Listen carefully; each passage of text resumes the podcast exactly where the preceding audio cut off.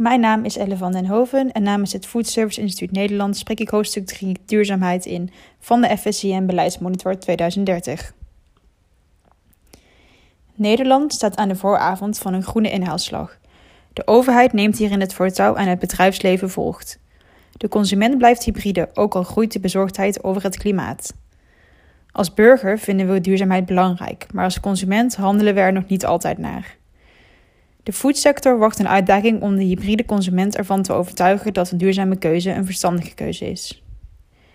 In 2021 werden we met de neus op de feiten gedrukt. De opwarming van de aarde accelereert. Duurzaamheid is moeilijk, maar het kan en het moet.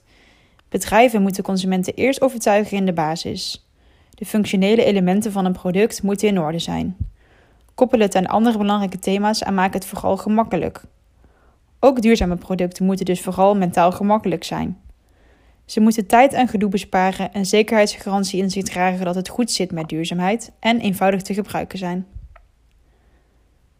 Consumenten vinden het moeilijk om duurzame keuzes te maken. Naarmate duurzaamheid meer vergt van het eigen handelen, wordt het beeld minder positief. We zien dan een hardnekkige discrepantie tussen het waardeoordeel dat burgers hebben en het koopgedrag dat zij als consument vertonen. Dit noemen we de hybride mentaliteit. Als burger vinden we duurzaamheid belangrijk, maar in de praktijk handelen we er niet altijd naar. De hybride mentaliteit wordt veroorzaakt door zeven barrières rondom duurzaamheid. Ten eerste vinden consumenten dat duurzame voedselkeuzes niet ten koste mogen gaan van smaak, prijs en gemak. Maatregelen die hen zelf geld kosten, zoals een vleestaks, kunnen rekenen op weinig steun. Ook wil de consument ten alle tijden zijn keuzevrijheid behouden. De overheid mag niet beslissen wat consumenten wel en niet mogen eten. Ten tweede is er een gevoel van machteloosheid. De eenling kan weinig uitrichten. Daarnaast, als het erop aankomt, handelt de consument vaak vanuit eigen belang. We kiezen eerst voor onszelf en duurzaamheid komt op de tweede plaats. Ook onderschatten consumenten de gevolgen van hun eigen consumptiepatroon op het klimaat. Ze leven in de veronderstelling dat zij duurzaam consumeren, maar hebben weinig weet van de werkelijke impact van een eetpatroon op het klimaat. Consumenten willen duurzaam consumeren, maar lopen vast door een te klein aanbod van duurzame alternatieven in de supermarkt of het restaurant. Ook missen consumenten transparantie en informatie over duurzaamheid. Ze vertrouwen claims over duurzaamheid niet, die spreken elkaar soms tegen. Als laatste onderschatten bedrijven de bereidheid van klanten om duurzaam te consumeren. Volgens het VN-klimaatpanel IPCC overschrijden we met de huidige uitstoot van broeikasgassen al in 2030 de grens van 1,5 graad opwarming. Dat is tien jaar eerder dan tot nu toe werd aangenomen. We stevenen af op bijna 3 graden opwarming, terwijl 1,5 graad als een uiterste veilige grens wordt gezien. In oktober stelde het KNMI de verwachte zeespiegelstijging naar boven bij. Met de huidige uitstoot van broeikasgassen zal de zeespiegel voor de Nederlandse kust eind deze eeuw met mogelijk 1,2 meter stijgen ten opzichte van het begin van deze eeuw. Ook staan ons meer overstromingen, perioden van droogte, bosbranden en andere extreme weersomstandigheden te wachten.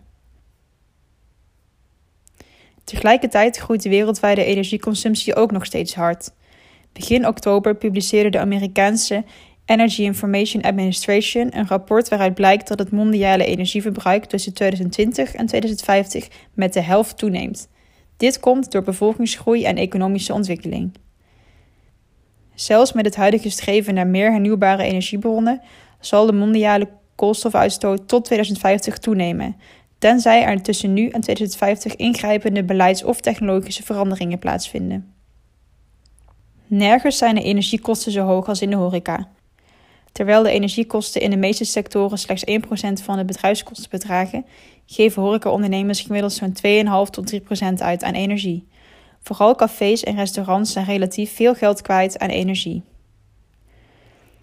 Nu de prijzen voor gas en elektra hard stijgen, lopen die kosten nog verder op. Het hoge energieverbruik in de horeca heeft meerdere redenen.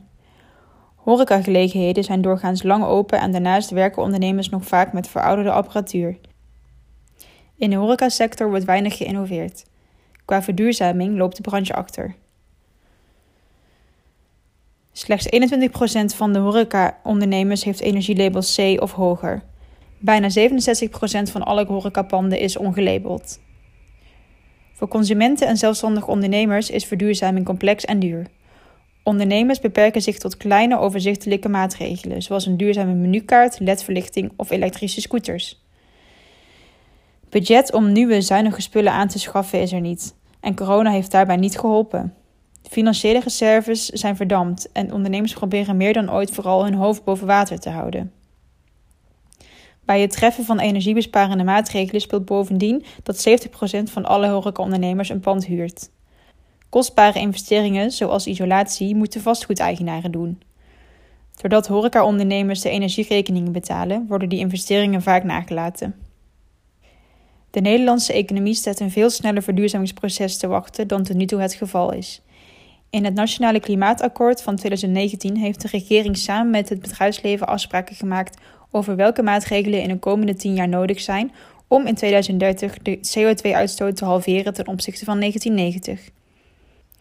Gezien de recent door het IPCC gemeten acceleratie van de opwarming is het zeer twijfelachtig of die maatregelen afdoende zijn. Het is code rood, zei staatssecretaris Steven van Weyenberg bij de presentatie van het KNMI-rapport.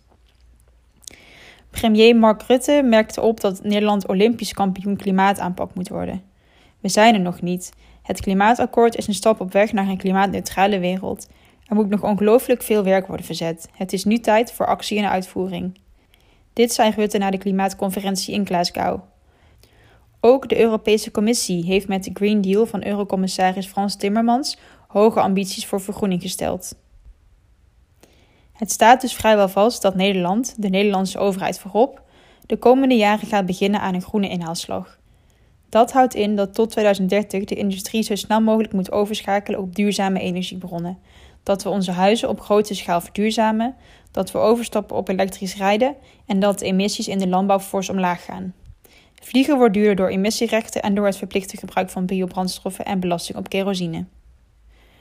Tot nu toe biedt de overheid een uitnodigend perspectief, zodat iedereen kan en wil meedoen.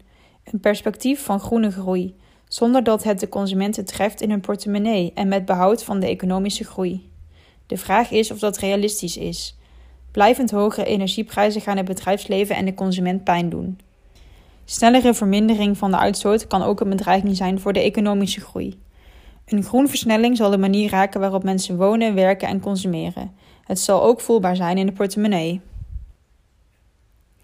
Ook de voedsector gaat meer merken van de klimaatambities van de overheid.